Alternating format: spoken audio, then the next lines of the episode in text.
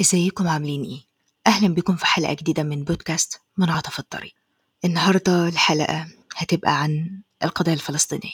في ظل تصاعد الأحداث ما بين فلسطين وما بين الدولة المعادية إسرائيل أرادت فلسطين على أن تخبرنا بأن قضيتها لم تبتر قدمها بعد وأنها ما زالت في قيد انتظار لحل لقضيتها. عشان كده أنا دلوقتي هوضح لك الفكر العام للدولة اللي بتحاربها فلسطين. بمعنى إيه؟ بمعنى الدولة المعادية إسرائيل ليها فكر عام كده أنا عايزك تعرفه. هو ذكر في كتاب ما مش هقول لك اسمه دلوقتي عشان ما أقلقكش أو عشان ما أشغلكش عن الحاجة اللي أنا عايزة أوصلها لك.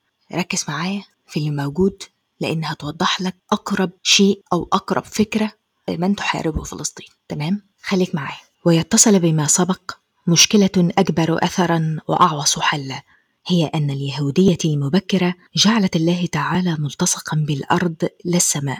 فهو ينزل إلى الخيمة فيصير قريبا من الإنسان ويشاركه وقائع حياته مع أن الله بداهة ينتمي إلى السماء إلى الأرض. وإلى لما صار معبودا للإنسان. ولا ننسى هنا أن الإنسان عندهم على إطلاقه لا يعني أي جماعة بشرية غير اليهود.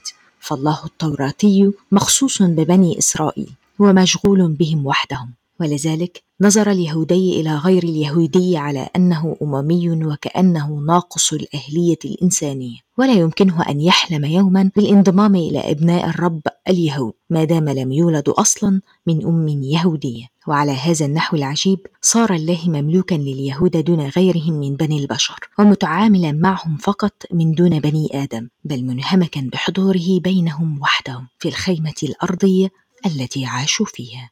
لك أن تتخيل عقلية من تحارب فلسطين. فرضت علينا دولة إسرائيل كدولة، وساعدها العديد من المنظمات المؤيدة لإسرائيل في الولايات المتحدة الأمريكية.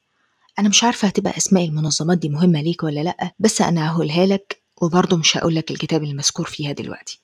المنظمات دي مثل منظمة أو رابطة مقاومة تشويه السمعة، اللجنة اليهودية الأمريكية، الجماعة اليهودية المتحدة، المجلس الديمقراطي الوطني اليهودي الائتلاف اليهودي الجمهوري. كل دي منظمات ساعدت في إن دولة إسرائيل تنشأ وكانت أكثرهم تاثيرا أو أكثرهم تاثيرا وضغط على الولايات المتحدة الأمريكية كانت هي منظمة Zionist Organization of America واللي تأسست سنة 1987 وبدأت جمع التأييد ودعم حكومة الولايات المتحدة للكونجرس والرأي العام الأمريكي. كل ده عشان تنشأ أو تخلق دولة إسرائيل عام 1948 ميلاديا. وده يفسر لك باختصار سبب الدعم الأمريكي اللي موجود لحد دلوقتي إسرائيل.